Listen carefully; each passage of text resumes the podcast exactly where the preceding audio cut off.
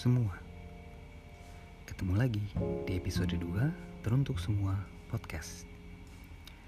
Wadah celoteh hasil pemikiran dan perenungan tentang hidup sehari-hari Yang mungkin terlihat biasa saja.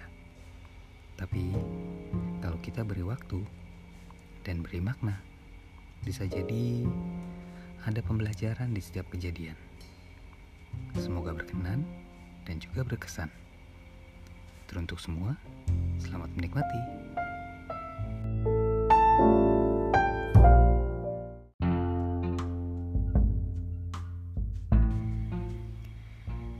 Beberapa hari yang lalu, saya sempat bicara via telepon dengan seorang kawan dekat yang sudah lama tidak berjumpa. Kami membahas percakapan kami terakhir kali yang pada waktu itu berakhir dengan kurang menyenangkan.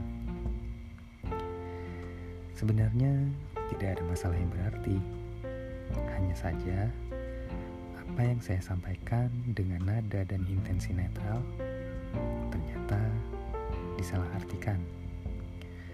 Seolah saya sedang marah. Karena tidak ingin memperpanjang masalah, kawan saya pun tidak menjawab apa-apa. Saya pada saat itu mengira dia tidak mau membahas lebih lanjut. Dan pembicaraan pun berakhir. Singkat cerita, lewat pembicaraan kami di telepon beberapa hari yang lalu, akhirnya terpecahkan kesalahpahaman yang terjadi sebelumnya.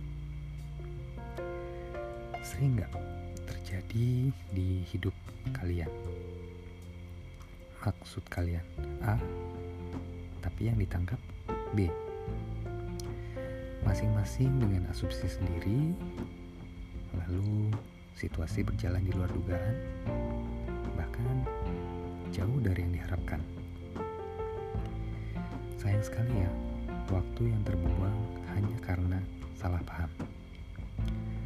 Padahal dalam kurun waktu tersebut, seharusnya kita bisa mempererat hubungan relasi, bahkan mungkin pekerjaan. Sesepele hanya karena masalah asumsi, semua jadi terhenti. Pelajaran yang saya ambil dari kejadian ini, latihlah cara komunikasi agar lebih jelas dan juga yang pasti hindari asumsi. Konfirmasi kembali maksud dari penyampai pesan agar hubungan tidak salah jalan. Dan tetap berkomunikasi tanpa asumsi ya.